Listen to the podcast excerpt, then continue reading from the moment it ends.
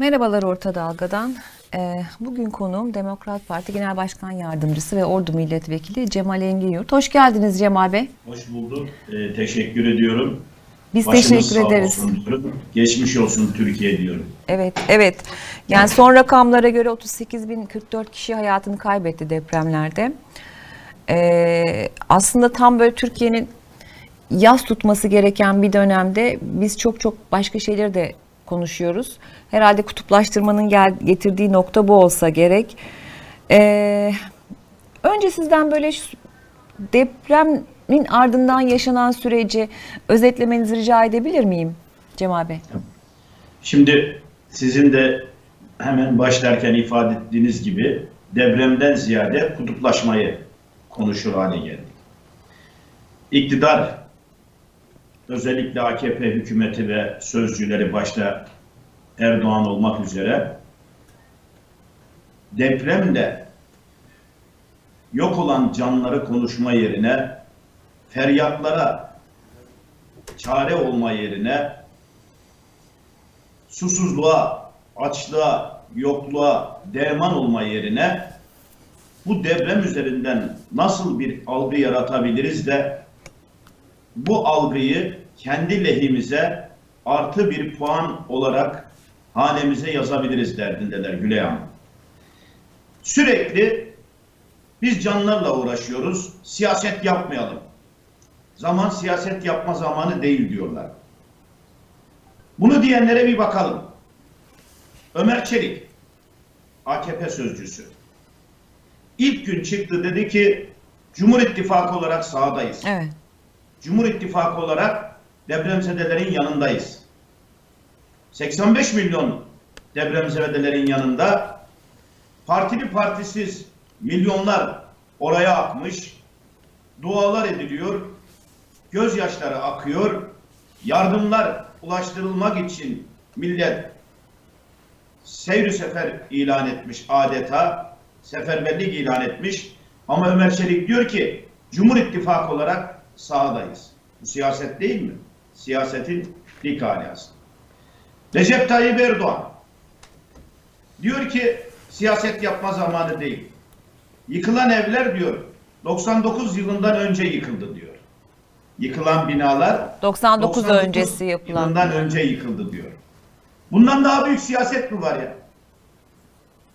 Halbuki rakamlar gösteriyor ki son 6 aydır yapılan evler var Gülay Hanım yıkılan. Son 6 ayda yapılmış evler var. %50'den fazlası da 2000 sonrasında yapılmış evler. Recep Tayyip Erdoğan bu bir siyaset değil mi? Neyi yarıştırıyorsun? Yani 99'dan önce yapılsa ne olur? 99'dan sonra yapılsa ne olur Gülay Hanım? Resmi rakamlara göre 40 bin yaklaşık ama 100 binin üzerinde cana mal olmuş. Yüz binlerce insan hatta milyonlarca insan mağdur olmuş. Tabii 12 Yüz milyona bin yakın kişi yaşıyor e, depremin vurduğu şehirlerde. Abi, abi. Şimdi siz çıkmışsınız depremi tarihlerle yarıştırıyorsunuz. Ama aynı anda Sabah gazetesi Erzin Belediye Başkanı ben kaçak yapıya izin vermedim. Benim orada tek bina yıkılmadı dediğinde Sabah gazetesi bugün manşet atmış Gülay Hanım. O kadar komik, komik durumdalar ki kendi Cumhurbaşkanını yalanlamış. Ne diyor Sabah gazetesi? Erzin Belediye Başkanı yalan konuşuyor diyor. Oradaki yapılan binalar diyor eski binalar. Yahu arkadaş bir karar verin. Eski binalar mı yıkıldı? Yeni binalar mı yıkıldı? Erzin'de binalar yıkılmayınca binalar eskiymiş. Belediye başkanının izin verdiği bina sayısı 10'muş. 10'muş. Adam 4 yıldır belediye başkanı sadece 10 bina yapılmış adamın döneminde. Yıkılan, yıkılmayan binalar eskiymiş. Demek ki eskinin binası sağlam o zaman. Ama siyaset yapıyorlar. Binali Yıldırım. Dünyanın hiçbir yerinde havalanında deprem olmaz. Deprem oraya vurmaz. Çünkü en sağlam yer havalanıdır. Atatürk havalan, havalanını hala sökemediler. Niye? O betonları yıkma şansları yok. Öylesine sağlam yapılmış çünkü. Hatay havaalanı yıkıldı. Yapmayın dediler. Buraya olmaz dediler. İnat ettiler. Yapıldılar. Deprem bu. Ankara Büyükşehir Belediyesi havaalanının tamiri için havaalanında. Ben CHP'li değilim. Cumhuriyet Halk Partisi'nin belediyelerini de gördüm. Her gittiğim yerde. Antakya'da, Samandağ'ında, Defne'de, İskenderun'da, her yerde, Kırıkhan'da, Maraş'ta. İyi Partilileri gördüm. MHP'li belediyeleri gördüm. AKP'li belediyeleri gördüm. Ama Binali Yıldırım ne diyor biliyor musunuz Gülay Hanım? Ben duyduğuma inanmam diyor. Ben gördüğüme inanırım diyor. CHP'li belediyeler yoktu diyor. Bu siyaset değil mi? Siyasetin dik alası. Televizyonda da Aa. gördük zaten hepimiz gördük hangi belediyelerin nerede hangi bölgelerde nasıl çalışmalar Ya yaptığını bunu- bunu gördük zaten. bile- inanın Gülay Hanım bunu savunmak bile abesle iştigal biliyor musunuz? Bizi küçük düşürür. Yani orada çorba dağıtan belediyeleri, orada 200'ün üzerinde sadece Ankara Büyükşehir insan kurtarmış. 200'ün üzerinde sadece Ankara Büyükşehir. Bunu savunmak bile hakikaten insanı üzer. Ak İt diye bir gazete var. Yani ben hani böyle e, şey yapıyorum ki ayırarak özellikle anlaşılsın diye yani Ak İt diye. Bu Ak İt gazetesinin yazarı Ali İhsan Karahasan diyor ki Suriyelilere kötü davrandığımız için Allah'ın cezası olarak görmek lazım bu depremi diyor. Bu siyaset ötesi bir alçaklık, hainlik. Suriye'de niye 6 bin kişi öldü Gülay Hanım? Suriye'de de depremde 6 bin kişi öldü. Ali Rıza Demircan, ilahiyatçı. Evet. Laiklik sebebiyle diyor bu deprem oldu diyor. Laiklik Türkiye layık olduğu için diyor. E pekala bu dinsiz Japonya'ya, Çin'e niye deprem olmuyor? Bu ineğe tapan Hindistan'a niye deprem olmuyor? Bu Hristiyan Amerika'ya, İngiltere'ye tabii olsun da istemiyorum bu arada. Yani olmaz adına da söylemiyorum bunu. Temenni değil bu. Şimdi uzay ajansı daire başkanıymış Serdar diye bir adam. Çıkmış diyor ki dün uzaydan bize büyük demir çubuklar atılmış. Evet öyle bir iddia var. O çubuklar deprem bölgesine gelmiş Maraş Pazarcı'ya ve deprem olmuş. Bu adam uzay daire başkanı. Tıpkı Mustafa Varank gibi uzayla uğraşıyor. Mustafa Varank da uzaycılar. İkisi birbirinin kankası bunlar. Şimdi bunlar depremin uzaydan atılan demir çubuklarla olduğuna inandılar. Bir an öyle olduğunu düşünelim.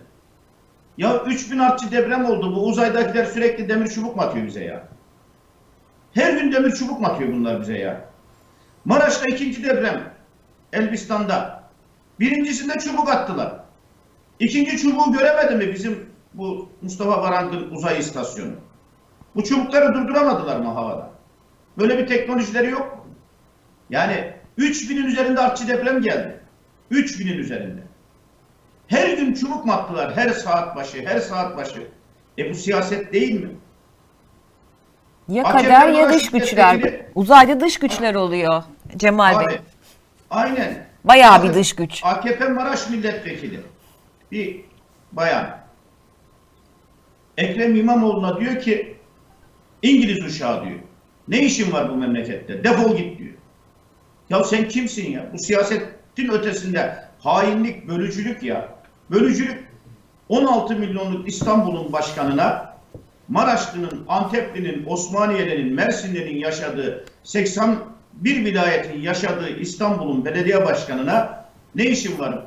Memleketten defol git diyor. Kendi memleketine git. Sanki Ekrem İmamoğlu Atina'nın belediye başkanı ya da Moskova'nın belediye başkanı gibi. Ama aynı kadının abisi imar müdürü çıkıyor. Akrabaları da Maraş'ta yıkılan evlerin müteahhiti çıkıyor. Böyle bir bölücülük, böyle bir fitne yaratacaksınız. Sürekli depremde canları konuşalım diyeceksiniz.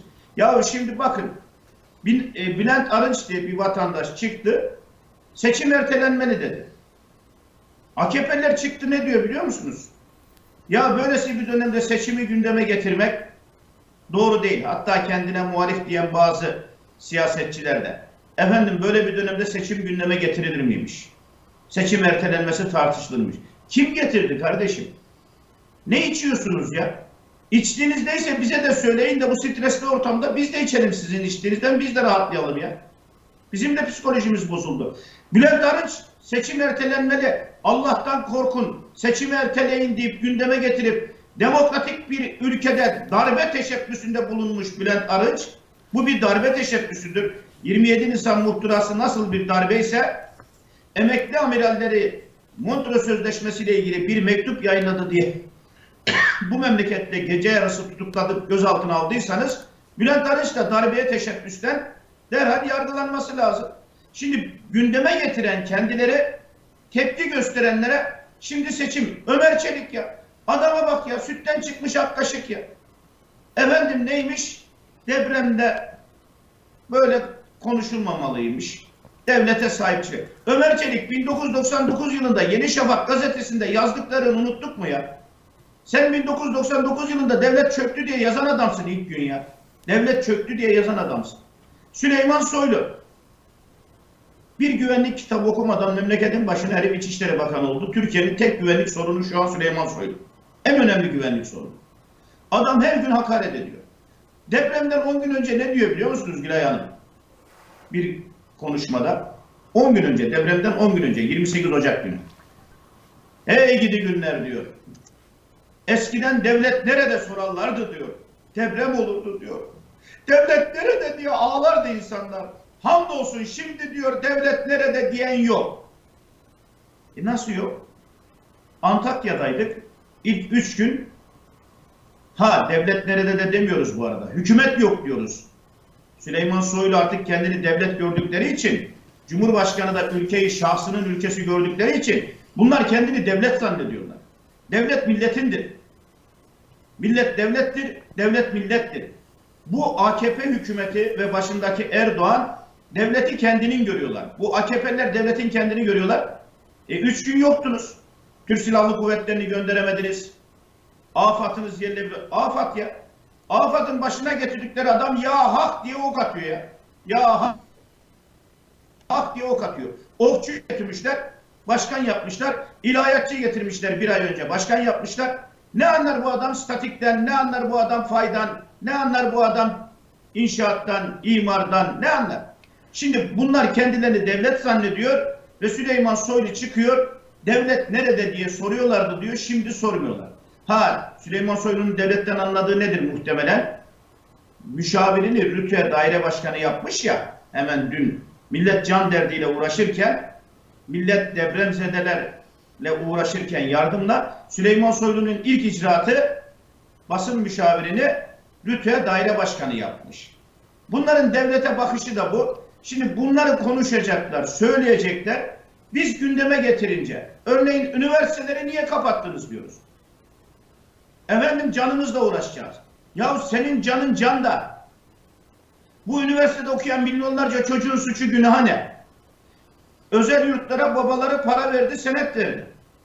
Şimdi oralardan ayrılacaklar. İstanbul, Ankara ev tuttular, kiraya para verdiler. Zaten pandemi döneminde psikolojileri bozuldu, eğitim alamadılar. Şimdi geldin efendim KYK yurtlarına depremzedeleri yerleştireceğiz. Niye KYK yurtlarına göz diktin? Cemaat yurtları ne olacak? Tarikat yurtlarını niye boşaltmıyorsun? Misafirhaneleri niye boşaltmıyorsun? Tatil beldelerindeki devlet kamplarını niye boşaltmıyorsunuz? Mehmet Nuri Ersoy bir oteli 5 bin kişilik. Niye Nisan ayına kadar 20 bin kişiyi Mehmet Nuri Ersoy almıyor Kültür Bakanı? Ama KYK'daki öğrencilerin yurtlarına göz dikiliyor. Daha ilk gün Mersin'deki KYK kız öğrenci yurduna giren Suriyeliler kız çocuklarının dolaplarını patlatıp eşyalarını yerle bir edip nargile sefası yapıyorlar.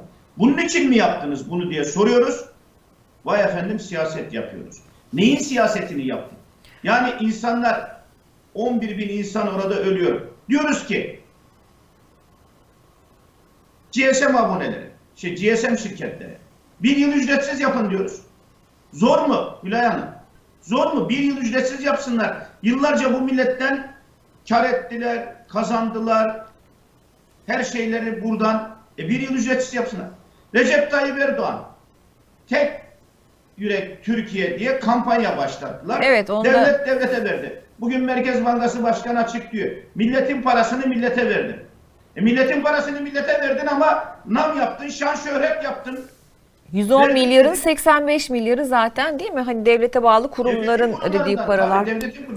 Şey de tartışılıyor. Ziraat Bankası'nın e, Hazineden Merkez Bankası'ndan yardım aldı. 22 milyar, e, 20 milyar bir bağış yapıyor. E, ve bu bağış hikayesi gerçekten e, iki gündür çok tartışılıyor. Aslında tabii baktığınızda insan eleştirmeye de hani gönlü el vermiyor. Diyorsunuz ki deprem zedelere bir yardım ama hakikaten ortada çok tuhaf da bir durum var.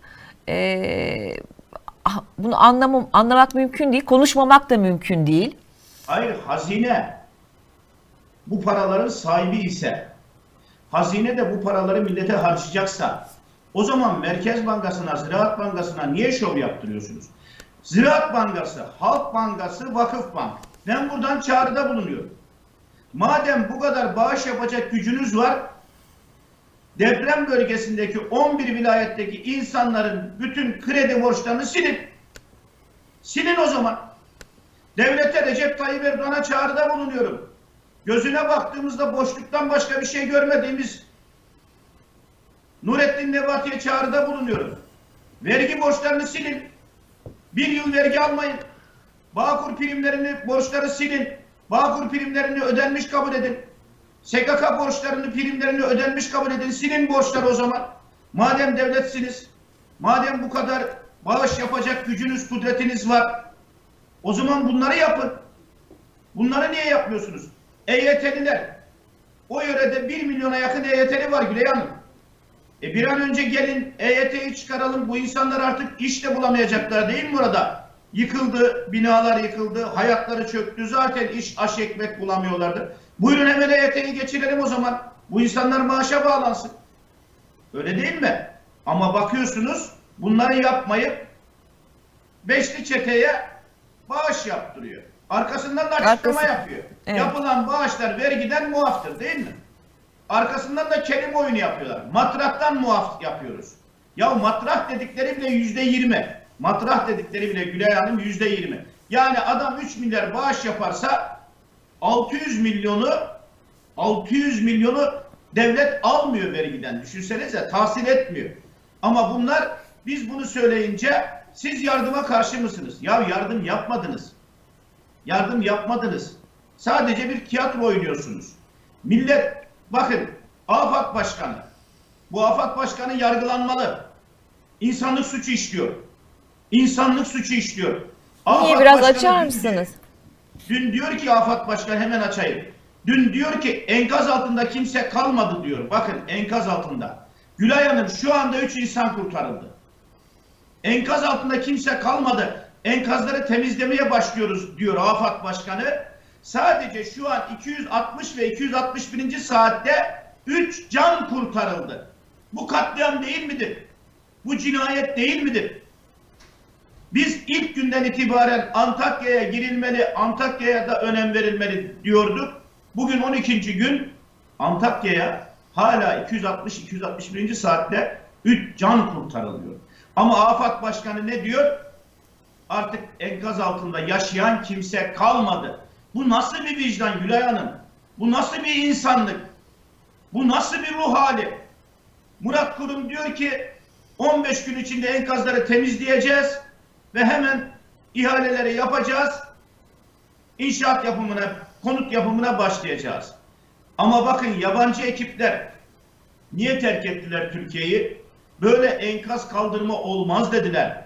Kepçeyle enkaz mı kaldırılır dediler. Nitekim kepçeyle enkaz kaldırırken 75 yaşında bir kadın kepçeye takıldı ve sağ kurtarıldı. Bu nedir? Cinayet değil midir? Cinayet değil midir bu? Hakikaten vahşet değil midir? Bakın uzay ajansı başkanı Serdar işi dış güçlere bağladı. Hatta uzaya bağladı değil mi? Uzaydan çelik boru atıyorlar. Pekala uzaydan çelik boru atan kimse sadece dış ülkelerden 5763 kurtarma ekibi gelmiş Gülay Hanım. 5763 kendi rakamları. 5763 dünyanın değişik ülkelerinden Amerika'sından İsrail'ine, Ermenistan'ından Yunanistan'ına, İspanya'sından İngiltere'sine 5763.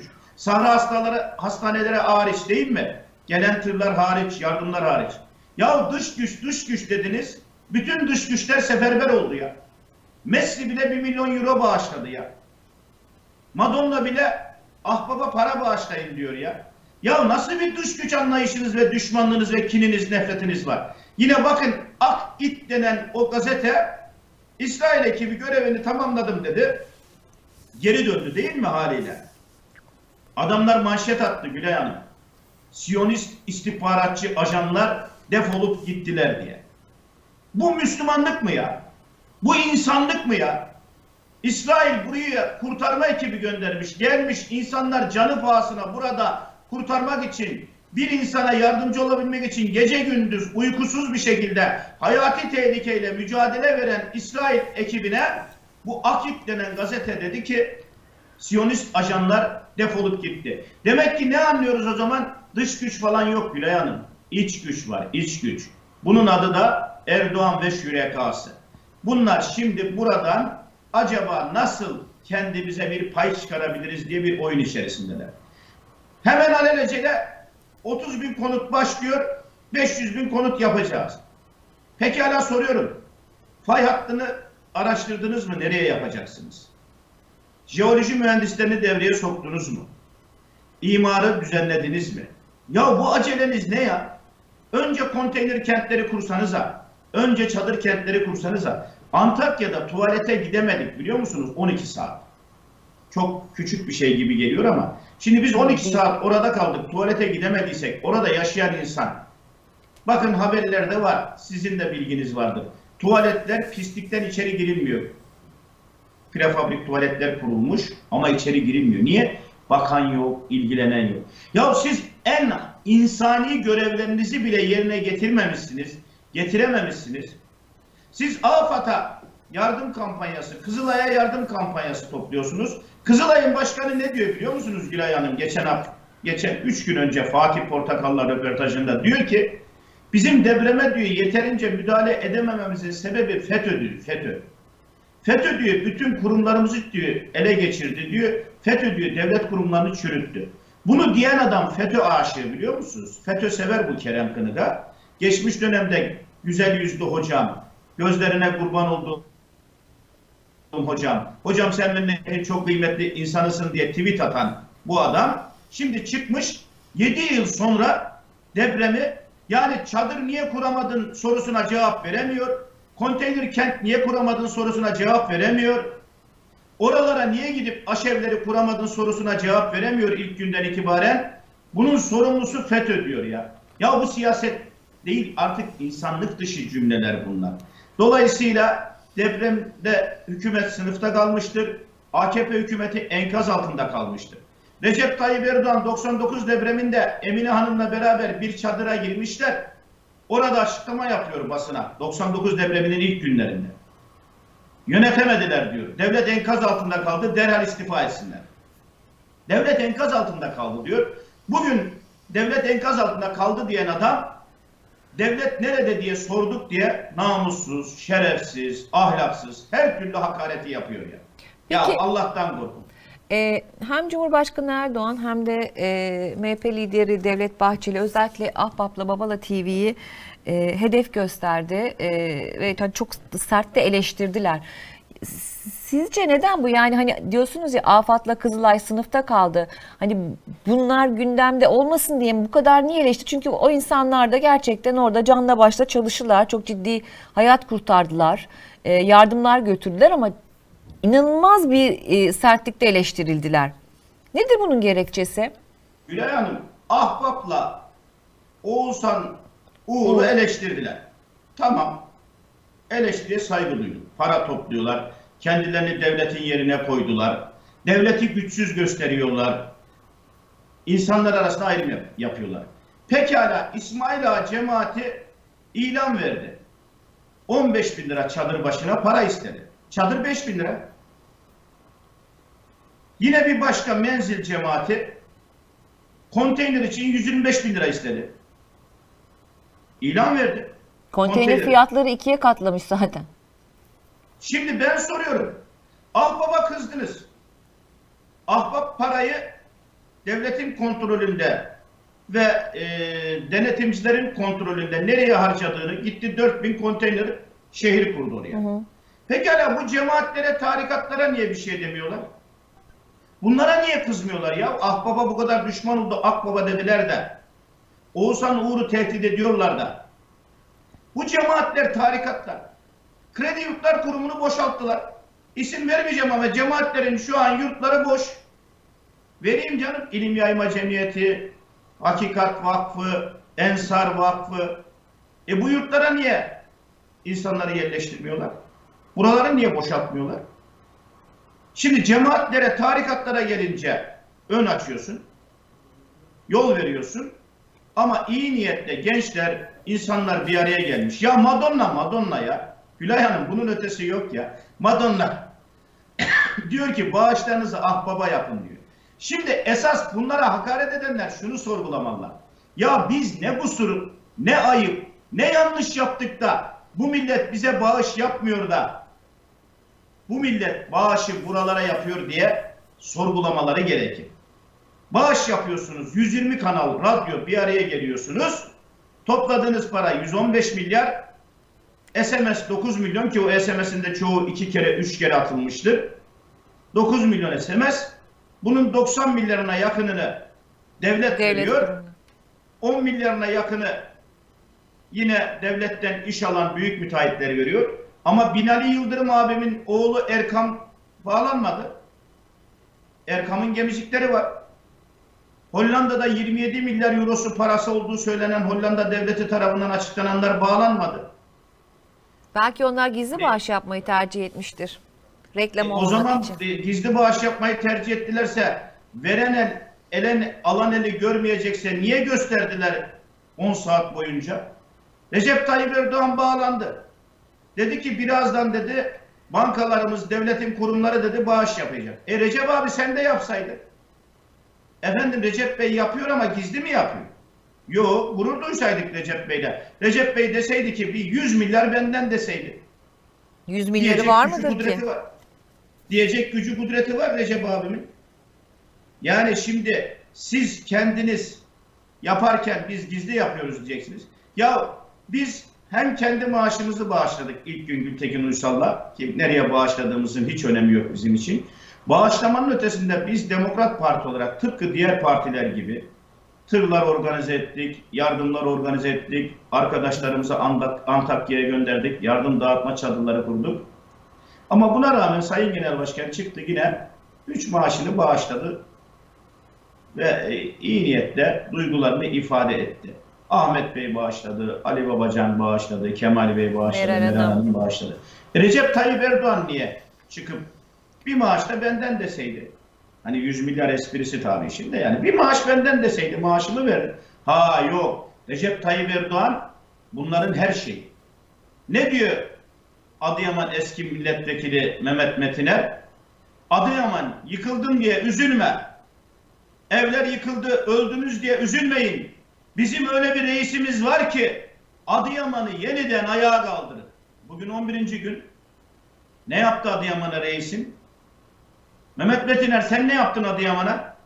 Bu siyaset değil mi ya? Bundan daha ağır, bundan daha çukurca bir siyaset var mı ya? Canlar ölmüş, evler yıkılmış. AKP vekili diyor ki üzülmeyin. Ölseniz de diyor reisimiz var bizim diyor.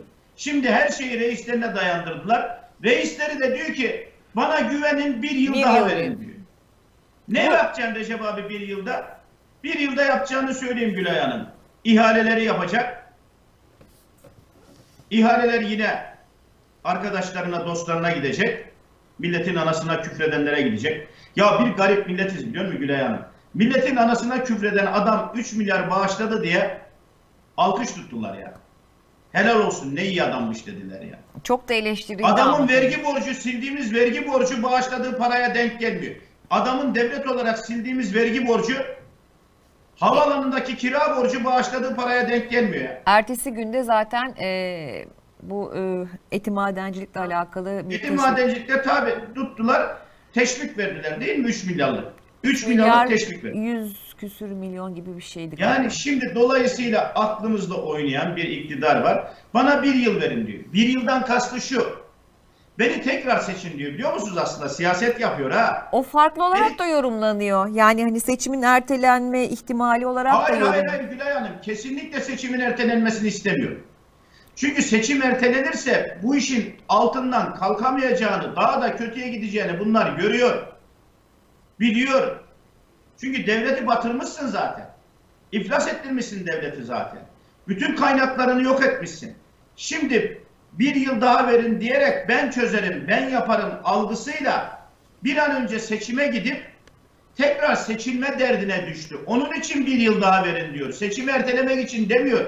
Seçimin ertelenemeyeceğini kendisi de biliyor. Dünya alem biliyor. Anayasa da biliyor. YSK da biliyor. Herkes bunu biliyor. Seçimi ertelemek imkansız bir şey. Dolayısıyla bir yıl üzerinden yine siyaset yapıyor. Bakın sürekli e, bir şey algı başladı. Asrın felaketi. Asrın felaketi. Yahu asrın felaketi, yüzyılın felaketi. Allah büyük bir deprem verdi. Olmasaydı. Ölenlere rahmet, kalanlara sağlık, sıhhat diliyoruz. Yahu siz asrın felaketine hazırlık olarak ne yaptınız ya? Ne yaptınız? İmar affı çıkardılar. 10 Mayıs 2018. Evet orada İmar da çok eleştirildiğiniz imzanız vardı ama gerçi açıkladınız ama bir kez daha söylemek istiyorsanız lütfen buyurun. Gülay Hanım ben vekil değilim ya. O Biliyorum. eleştirenler hakikaten akılları nerede bilmiyorum yani. Ben iki- 2018 o- 10 Mayıs'ta vekil değilim ki. O dönem 26. dönem. Ben 27. dönemde milletvekili oldum ya. Sırf algı yaratalım da Cemal Engin Yurt'u da konuşmasını nasıl sabote ederiz, onu milletin gözünden nasıl düşürürüz diye troller sen imar affına evet dedin diyorlar. İmar affı 10 Mayıs 2018'de çıktı. Ben 24 Haziran 2018'de milletvekili oldum. Dolayısıyla o 26. dönem biz 27. dönem milletvekiliyiz. İmar affı çıkarttı. İmar affı çıkarmak önemli. Bunu tartışmak. Ama en önemlisi ne biliyor musunuz Gülay Hanım? Hatay'da, Maraş'ta, Antep'te Recep Tayyip Erdoğan çıktı. Ey Maraşlı dedi. 144.136 kişiyi imar affıyla müjde verdik dedi. Hatay'a gitti. 200 bin kişiye, 205 bin kişiye müjde verdik dedi. Antep'e gitti. 100 küsür bin kişiye müjde verdik. Hayırlı olsun. Yani dedi ki kaçak binalarınız, depreme dayanıklı olmayan binalarınız, ruhsat alamadığınız, uygun değildir diye ruhsat alamadığınız bütün binalarınıza hiçbir mühendis raporuna gerek olmaksızın, hiçbir mimar onayına gerek olmaksızın sadece sizin beyanınızla af çıkarttım dedi. Şimdi bunu çıkaranlar gelmiş şimdi canlar ölmüş. Diyor ki yüzyılın felaketi, asrın felaketi. Kim bu asrın felaketini hazırladı? AKP hükümeti hazırladı. İşte biz diyoruz ki hükümet yok. AKP hükümeti yok. Erdoğan yönetemiyor. Erdoğan yönetemediğini de bilmiyor. Bakın bugün Ömer Çelik dün pardon açıklama yapıyor. Erdoğan'a ve bizlere Evet. laf söyleyenleri not aldık diyor. Siz de çok sert Ne konuştunuz Cemal? Bey. O deftere aldık. girdiniz galiba. Kara kaplı deftere. Ben ne yapacak yani ben merak ettim. Yani deyince de aslında çok korktum. Yani Ömer Çelik'i dinledim. Not aldık deyince e, bugün tweet attım da sizin aracılığınızla Ömer Bey'e bir daha sesleniyorum. Ömer o kadar korktum ki sen not alınca beni defterden çıkar ben bir daha konuşmayacağım. Yani bunu mu dememizi bekliyor Ömer? Ömer neyi not alıyorsun ya? Bu milletin hakkını savunmak, milletin derdine derman olmak için konuşmak, millete yardım etmek için çaba göstermek ve sizi eleştirmek. Siz kimsiniz ya? Siz nesiniz ya? Siz haşa peygamber mi oldunuz? Her şeyden münezzeh mi oldunuz başınıza ya? Siz tartışılmaz, eleştirilmez insanlar topluluğu mu oldunuz? Yani adam şunu diyor. Haddinizi aşmayın. Bu devlet bizim, bizi eleştirmeyin. Yarın diyor bunun hesabını sorarım. Yani Silivri'ye gidebilirsiniz diyor. Sinan Ateş gibi suikaste kurban gidebilirsiniz diyor. Bir gazayla yok edilebilirsiniz diyor. Bizim Süleyman Soylu diye bir arşivcimiz var, kasetçimiz var. Kasetinizi çekebilir, size dinleme yapabilir, size tuzak kurabilir, sizi kayıt yapar. Her türlü sizi halkın gözünde küçük düşürücü operasyonlar yapabiliriz diyor. Bunu diyor başka ne diyor ki ya? Ne yaparsın başka?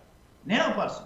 Peki Cemal Yani Bey biz bu yola çıkarken Ömer Çelik, Erdoğan fark etmiyor. Ben şöyle yapabilirdim Gülay Hanım, MHP milletvekiliydim. Hiç sesimi çıkarmazdım. El kaldırır, el indirirdim.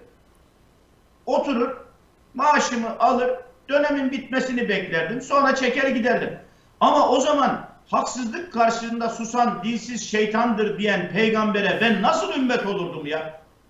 Komşusu aç iken karnı tok yatan bizden değildir sözüne nasıl itaat ederdim? Birimizin derdi hepimizin derdidir diyen peygamberin söylediğine karşı gelmiş olmaz mıydım? Ben geldim zor olanı tercih ettim. Çıktık mücadele veriyoruz. Ama sürekli bir tehdit dile. Bir kere daha söylüyorum. Güzel bir Alevi değişine her yerde söylüyorum. Bir kere de sizin kanalınızda tekrar söylüyorum. Saraylarda yaşayan Yezid olmaktansa Kerbela çöllerinde şehit Hüseyin olmaya yemin ettik. Dolayısıyla bunların bizi korkutmaya gücü yetmez. Trolleri saldırıyorlar.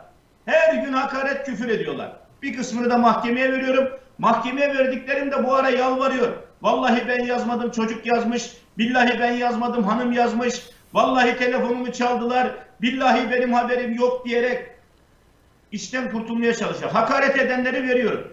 Niye? Fikri olsun söylesinler Gülay Hanım. Eleştirsinler. Fikrimize karşılık fikir söylesinler başım üstüne. Ama efendim sen de kızınca küfür ediyorsun. Sen de hakaret ediyorsun.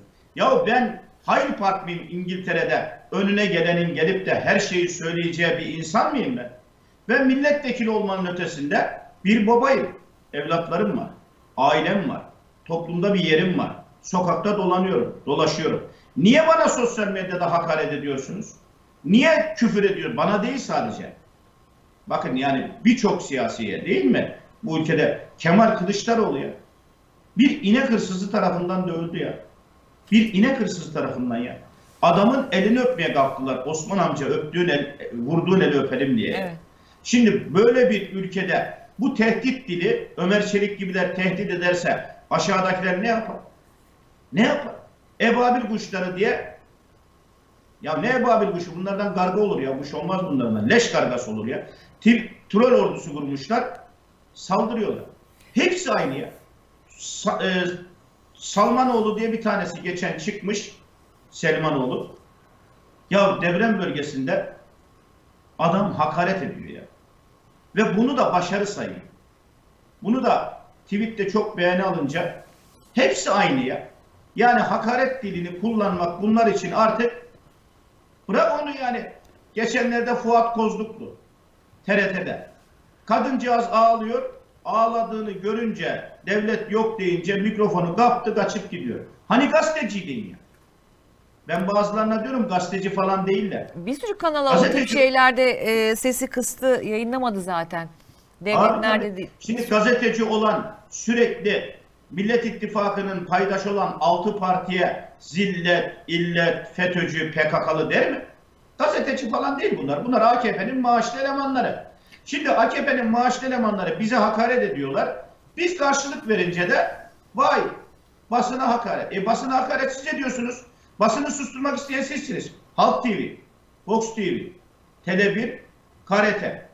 Şimdi Rütük Bugün evet ceza yazmayı onu da düşünüyor. soracaktım. Yani bugün bir toplantı var ve bu toplantıdan cezalar e, çıkması da bekleniyor. Dün Meral Akşener yazılı bir açıklama yaptı. Arkasından e, Kılıçdaroğlu, Ali Babacan, Gültekin Uysal da hani bu konudaki endişelerini dile getirdiler. Hatta e, yayın kapatma e, ve işte çeşitli iptal kararlarının gelmesi bekleniyor. Bunun dışında internet siteleri ve sosyal medya hesapları da e, gündeme gelebilecek. Böyle bir şey olabilir mi sizce? Ya da Olur. olursa gerçekten nasıl haberleşeceksiniz? Olur. Biz Çünkü orada Ebu Bekir Şahin oturmuyor. Rütük başkanlığı koltuğunda bütün başkanlıklarda olduğu gibi Recep Tayyip Erdoğan oturuyor. Şahsımın hükümetinin başındaki adam oturuyor. Adam devlet benim diyor zaten. Herkes benim emrimde diyor. Bakın ne diyor Ali Babacan, Ahmet Davutoğlu yıllarca birlikte olmuşlar. Başbakanlık yapmış, Dışişleri Bakanlığı yapmış. Ekonomiyi teslim ettiği kişiler için ya bunlar diyor beceriksiz, çapsız insanlar diyor. Bunlar benden hiçbir şey öğrenmemiş diyor. Hakaret dilini kullanıyor düşün. Bir insan nezaketen yanındaki kişiyle ilgili konuşmaya dikkat eder. Ben bakıyorum Ahmet Davutoğlu, Ali Babacan. AKP'den ayrılmışlar. 4 yıldır Recep Tayyip Erdoğan'la ilgili nezaketli bir dil kullanıyorlar. Eleştiri yapıyorlar. Gördüklerini söylüyorlar. Hiç hakaret dili yok. Hiçbirinde yok. Ama Recep Tayyip Erdoğan geçenlerde Ali Babacan'a diyor ki sen git diyor e, şey sat diyor. Örtü sat, perde sat diyor. Yani senin yapacağın iş bu diyor. Başka bir şey yok. Ya bu adamı 10 yıla yakın ekonomi bakanı yaptın ya. Dışişleri Bakanı yaptın Ahmet Davutoğlu'nu. Başbakan yaptı Ahmet Davutoğlu. Bir insan nezaketen susar. Niye adama demezler mi? Bu adamlar kötüydü de 10 yıl niye yanında başbakanlık, bakanlıklar verdin demezler mi? Ama Recep Tayyip Erdoğan'ın böyle bir derdi yok. Rütük Başkanı'nın adı Recep Tayyip Erdoğan'dır. Recep Tayyip Erdoğan da hiç kimse konuşmasın, her şey pempe gösterilsin istiyor. Yani A Haber diye bir mutluluk kanalı var. Bütün kanallar böyle mutluluk saçsın istiyor Recep Tayyip Erdoğan. Diyor ki bunlar çıkıyor, insanların acılarını gündeme getiriyor. Şimdi mazot gübre desteği istiyor insanlar. A Haber bunu haber yapmıyor. Niye? E çünkü mazot gübre desteği lazım değil mi? Para kalmadı kimsede. Çiftçilik yapacaklar. Traktörler depremin altında kalmış değil mi? Bütün e, hayvanları depremin altında kalmış. İnsanlar destek istiyor. Bunu feryatla duyuruyorlar. Recep Tayyip Erdoğan onu duymak istemiyor. Recep Tayyip Erdoğan'ın basından duymak istediği tek şey var. Var ol reis, nur ol reis. Sen olmasaydın bu asrın depreminde ne yapardık reis? Sen olmasan bu ülke yıkılırdı reis. Seninle bu ülke var reis dememizi bekliyor. Sen olmasan bu ülke çoktan çökmüştü reis dememizi bekliyor. Dolayısıyla Recep Tayyip Erdoğan kendinin dışında, kendini met edenlerin dışındaki kanallara tahammül etmesi, internet sitelerine tahammül etmesi mümkün değil. Ya bırakın siyasetçilere tahammül etmiyor. Kemal Kılıçdaroğlu SPK'nın önüne gitti. Dedi ki küçük yatırımcının hesabını soracağım soydunuz. Recep Tayyip Erdoğan dedi ki bilgin varsa dedi açıklamazsan namersin dedi. Nasıl soydu diyorsun? E ben söyleyeyim o zaman Recep Tayyip Erdoğan. Beni dinleyeceğini bilmiyorum dinler misin ama adamların dinler en azından. Soydular soydular. Borsada 3 milyon insanı batırdılar Gülay Hanım batırdılar. Depremin birinci günü 11 vilayette 500 binin üzerinde yatırımcı enkaz altında kalmışken canlarını kaybetmişken 3 gün boyunca borsayı açık tutarak bu insanları iflas ettirdiler. Batırdılar. Yetmedi.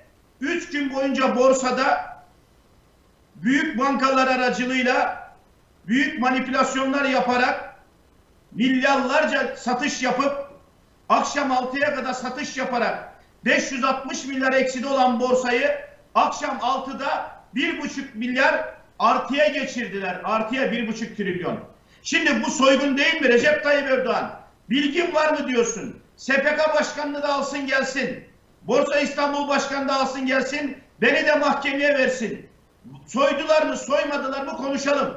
Soymadılarsa 6 Şubat'ta kapatmadıkları borsayı, 7 Şubat'ta kapatmadıkları borsayı, 8 Şubat günü saat 11'de %7 ile devre kesici, saat 12'de %9'da devre kesici kullanarak 12.30'da borsayı niye kapattılar ve niye bütün o gün yapılan işlemleri iptal ettiler? Madem 8 Şubat çarşamba günü işlemleri iptal ettiler, doğru bir şey yaptılar. O zaman 6-7 Şubat'ta yapılan işlemleri niye iptal etmiyorlar? O gün deprem altında kalan insanlar ellerindeki mallarını satamadılar, kağıtlarını satamadılar. Çünkü hayatlarını kaybettiler, deprem altındalardı. Bunun adı soygun değil mi? İşte bunu sorunca Recep Tayyip Erdoğan rahatsız oluyor. Bunu gündeme getirenlerden Recep Tayyip Erdoğan rahatsız oluyor. Recep Tayyip Erdoğan ne istiyor? Her şey güzel denilsin istiyor. Şimdi dev, devletin parası devlete bağış yapıldı diyoruz. Ya diyorlar yazıklar olsun yapılan bağışlara karşı mısınız? Kim bağış yaptı kardeşim? Tekrar soruyorum. Binali Yıldırım ne bağış yaptı? Ne bağış yaptı? Bilal Erdoğan ne bağış yaptı? Şimdi isimleri sıra. Erkam Yıldırım ne bağış yaptı? Ne bağış yaptı Erkam Yıldırım? Bunları çıksın söylesinler. Veya bu devletten 5 ballı maaş alanlar, 10 ballı maaş alanlar ne bağış yaptılar onu söylesinler. Şimdi çıkmış halk ne bağış yaptı onu söylesinler. Vatandaş bunlara ne kadar güvendi, inandı da bağış yaptı onu söylesinler. Çocuklar kumbaralarındaki Kumbaralarındaki- 200 lirayı, 300 lirayı bağış yaptı diye duygusallık yaratmaya çalışıyorlar. Kardeşim size insanlar niye güvenmiyor? Bunu sorgulasanıza. Veya bunu söyleyenlere niye hakaret ediyorsunuz? Niye kapatmaya çalışıyorsunuz bu televizyonları? Halk TV'yi, Tele1'i niye dahil etmediniz o zaman bu 120 televizyonun içine, kanalın içine? Veya KRT yayınlarını keserek katıldı, dahil oldu. Yayınladı. Niye düşman ilan edip küfür ediyorsunuz, hakaret ediyorsunuz? Yani siz istediniz diye her şey sizin istediğiniz gibi olmalı. Yani bu ülkede Recep Tayyip Erdoğan istiyor diye Recep Tayyip Erdoğan gibi düşünmeli, onun gibi mi konuşmalıyız? Onun söylediği her şeye doğru mu demeliyiz? Ya söylediğin her şey yanlış ya. Her şey yanlış. Allah Resulü bir hadisinde hadisinde buyuruyor. Mümin her söylediği söz doğru olmalı diyor. Yalan konuşmamalı diyor. Mümin adaletli olmalı diyor. Ya senin ne yalandan başka sözün var ne de adaletin var. Hukuku uygulamıyorsun. Doğruyu söyleyenleri sen gece yarısı hapse atıyorsun. Türkiye Komünist Partisi yıllarca komünizme karşı mücadele verdi. TKP Osmaniye'de çadır kurmuş yardım yapmaya kalkıyor çorba dağıtıyor TKP'nin çadırı basılıp 10 kişi gözaltına alınıyor. Neymiş efendim? Yağma yapmışlar. Gelen yardımları çalmışlar. Pekala niye savcılığa çıkmadan Gülay Hanım serbest bıraktınız o zaman? Yağma yaptılarsa, gelen yardımları çaldılarsa, niye bu adamları savcılığa çıkmadan serbest bıraktınız? Nasıl oluyor? Süleyman Soylu, ilk günden beri biz diyoruz ki yağma var. Yağma durdurulsun. Hatay'ın güvenliği için Suriyeliler Hatay dışına çıkarılsın. Süleyman Soylu hakaret etti bize. Yağma var diyenlere en ağır hakaretler etti. Bir yağma yok dedi. Ama Recep Tayyip Erdoğan ertesi gün çıktı dedi ki o hali çıkarmalıyız. Çünkü dedi yağma var. Yağmanın durdurulması için o hal yasası çıkması lazım. Süleyman Soylu yağma yok dedi. Adalet Bakanı bugün açıklama yaptı Gülay Hanım. Ne dedi? 150 kişi yağmadan tutuklandı dedi. Evet. 150 kişi yağmadan tutuklandı. Şimdi bunları biz konuşmayalım mı?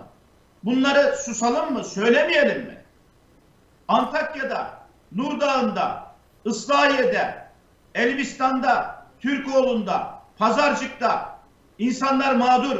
Adıyaman'da, Malatya'da, Osmaniye'de, Adana'da insanlar mağdur demeyelim mi? Çadır kentlerin en az en az 1 milyon çadır kent kurulması lazımdı. En az 1 milyon. Özel sivil toplum örgütleri küfrettikleri Ahbap, Oğuzhan Uğur gibi yardım kuruluşları sayesinde kurulan çadır ancak 200 bin değil mi şu an? 200 bin. Şimdi siz gereğini yapmıyorsunuz. 99 depremini eleştiriyorlardı.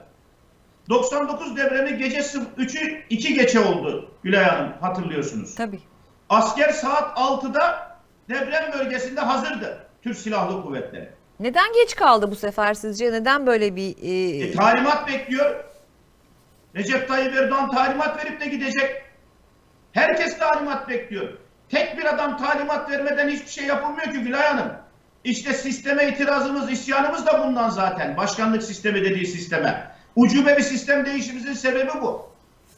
Kaymakamlar talimat bekliyor, valiler. Halbuki 1957 yılındaki kanun maddesinde der ki afat ve deprem halinde kaymakamlar bütün araç ve gereçlere el koyma, gıdaya el koyma, depremde e, o hal ilan etme yetkisine sahiptir der 1957 yılındaki kanunla.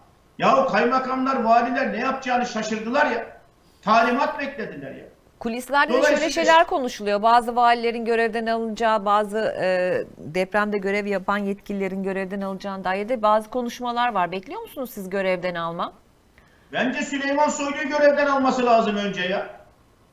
Üç ay önce saat yedi buçukta kafazı masanın altına sokun diye Türkiye'nin, dünyanın en büyük deprem tatbikatını yaptım diye sırıtarak anlatan Süleyman Soylu üç günde afat ortalıkta yoktu ya. Afat yoktu deyince kızıyor. Var mıydı ya? Gel ispat et. Gidelim Antakya'ya, gidelim Maraş'a, gidelim Elbistan'a. Beraber gidelim ama yüreği yetiyorsa. Korumaları olmasın. Gelsin gidelim var mı? Var mıymış? Efendim orada insanlar siyasetçileri yuhalıyormuş. Devlet burada, devletimiz var olsun diyenlere A Haber Mutluluk kanalı gösteriyor. Gösterirsin tabii kardeşim. Antakya'da Gültekin Uysal'la beraber yürüyoruz. Asi Nehri'nin kenarında yürüyoruz Gülay Hanım. Bakıyoruz, acıları paylaşmaya çalışıyoruz. Yanımızdan geçen iki tane delikanlı. Biz 15 kişiyiz. İki adam Allah reisimizden razı olsun diye bağırıyor. Bir şey yapmadık. Reisine bir şey demedik. Devlet yok demedik. Depremzede de yok etrafımızda konuşmuyoruz. Bağırıyor. Niye bağırıyor? Tahrik ediyor ki ona bir şey diyelim ki depremzede dövüldü desin diye. Atatürk Caddesi'nde vatandaş ağlıyor.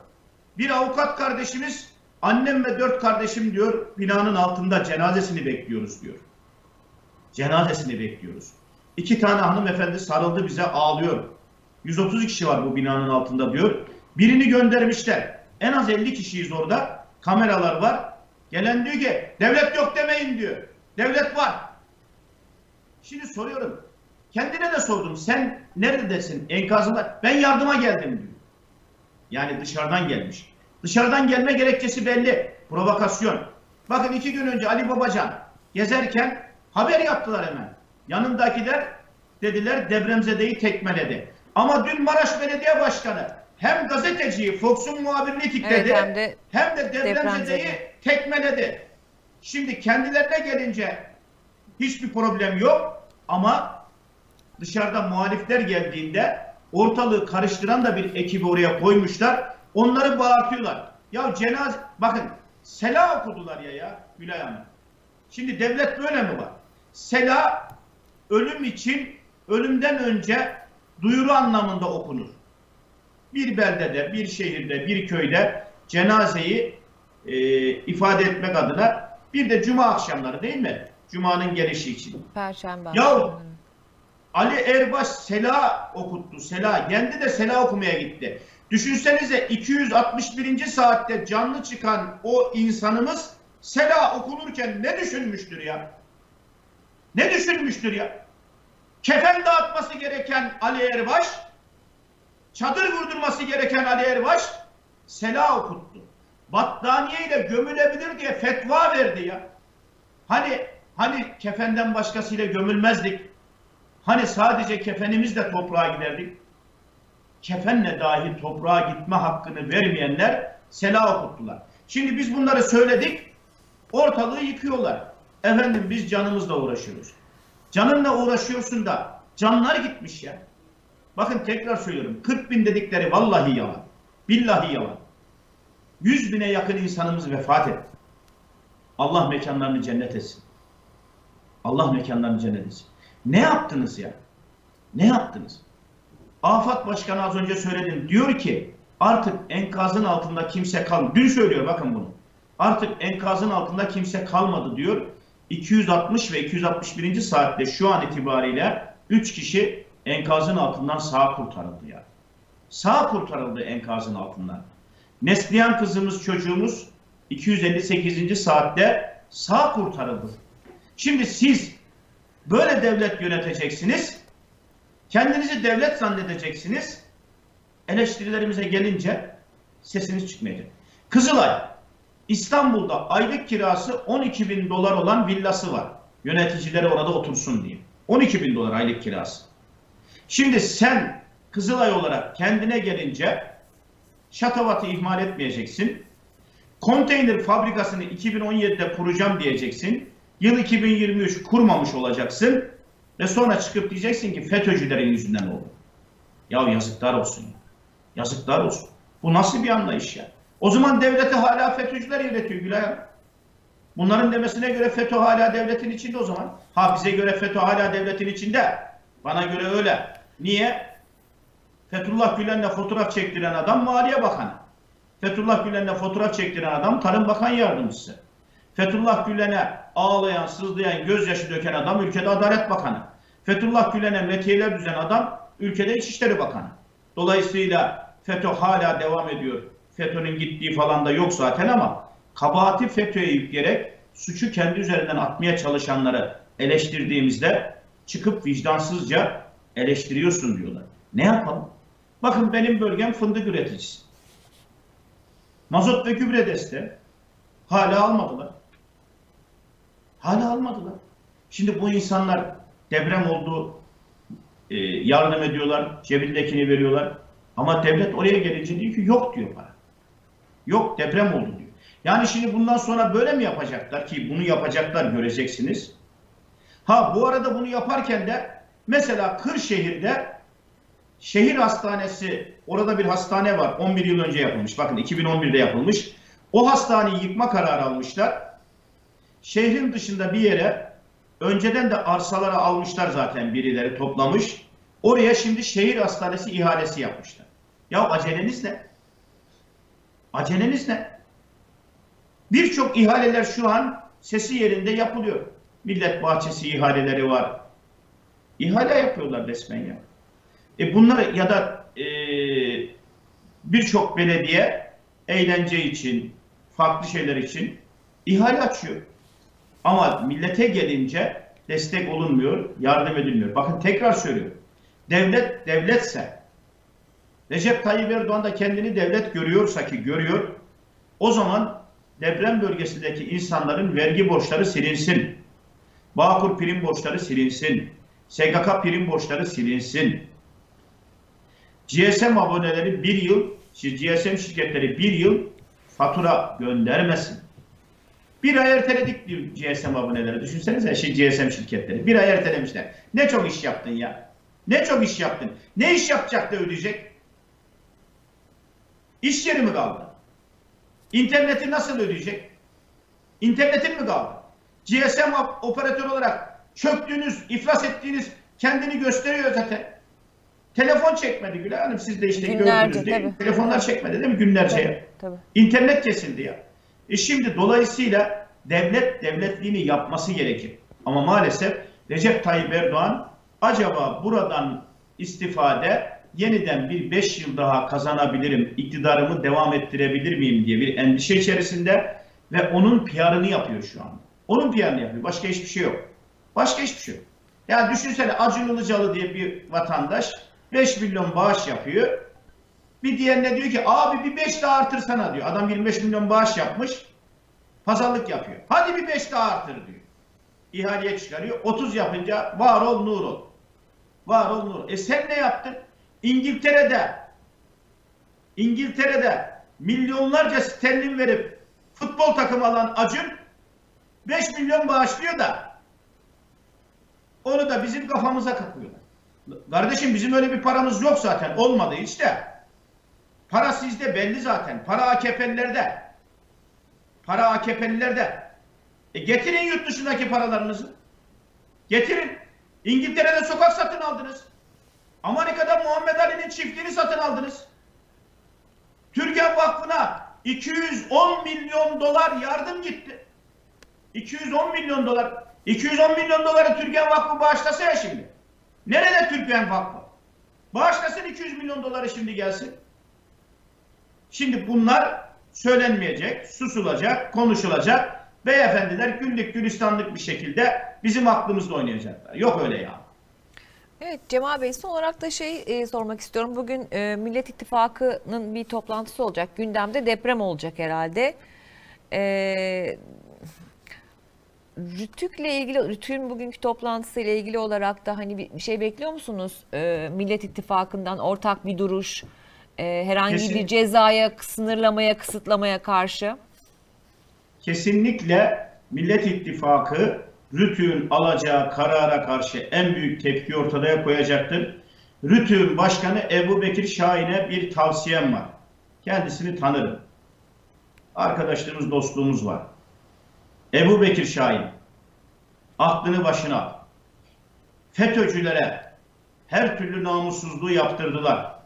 Ergenekon, Balyoz, Kafes, Zekeriya Öz diye bir adamı kahraman ilan ettiler.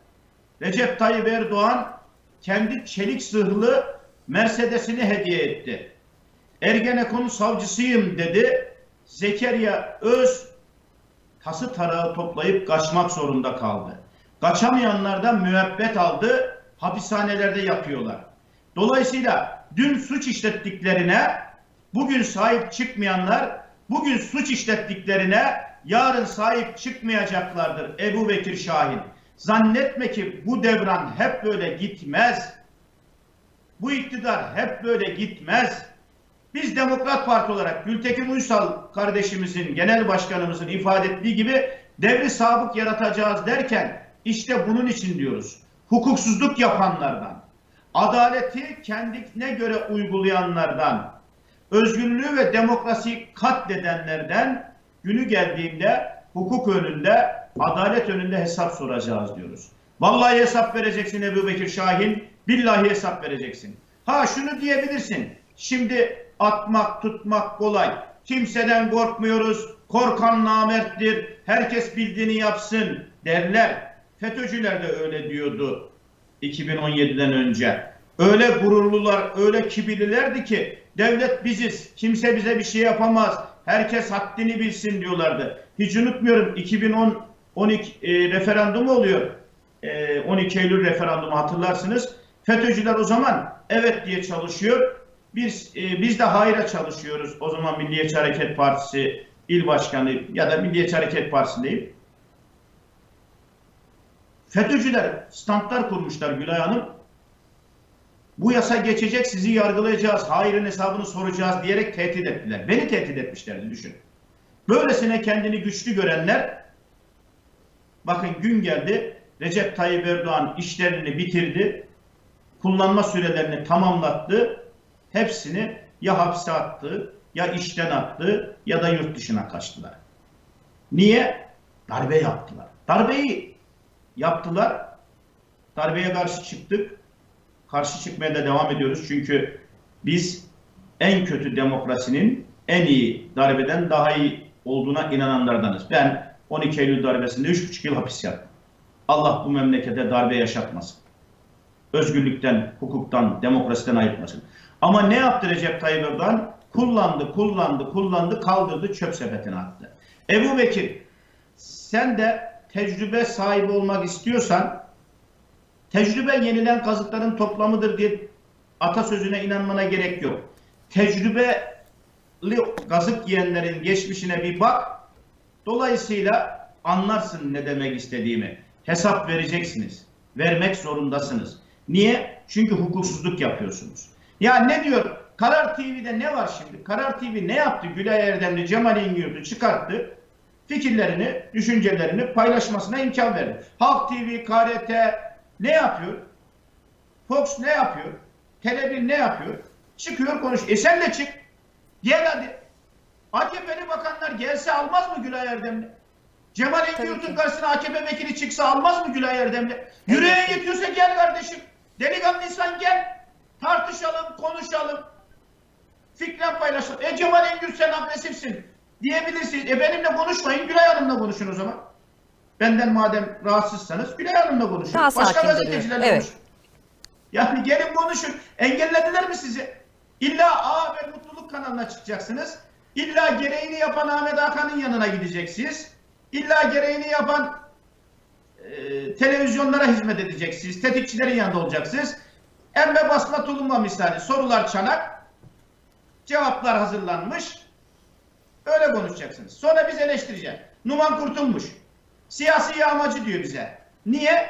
Deprem bölgesinde yanındakilerle beraber sırıtıyorlar. Hayırdır? Niye sırıttın Numan Efendi? Ne oldu diyoruz. Arkanda afat çadırları var. Depremzedelerin olduğu yerde efendim bir anlık gülüşümüzden diyor siyasi kar elde etmek isteyen siyasi yağmacılara yazıklar olsun. Sana yazıklar olsun be. Sana yazıklar olsun Numan Kurtulmuş ya.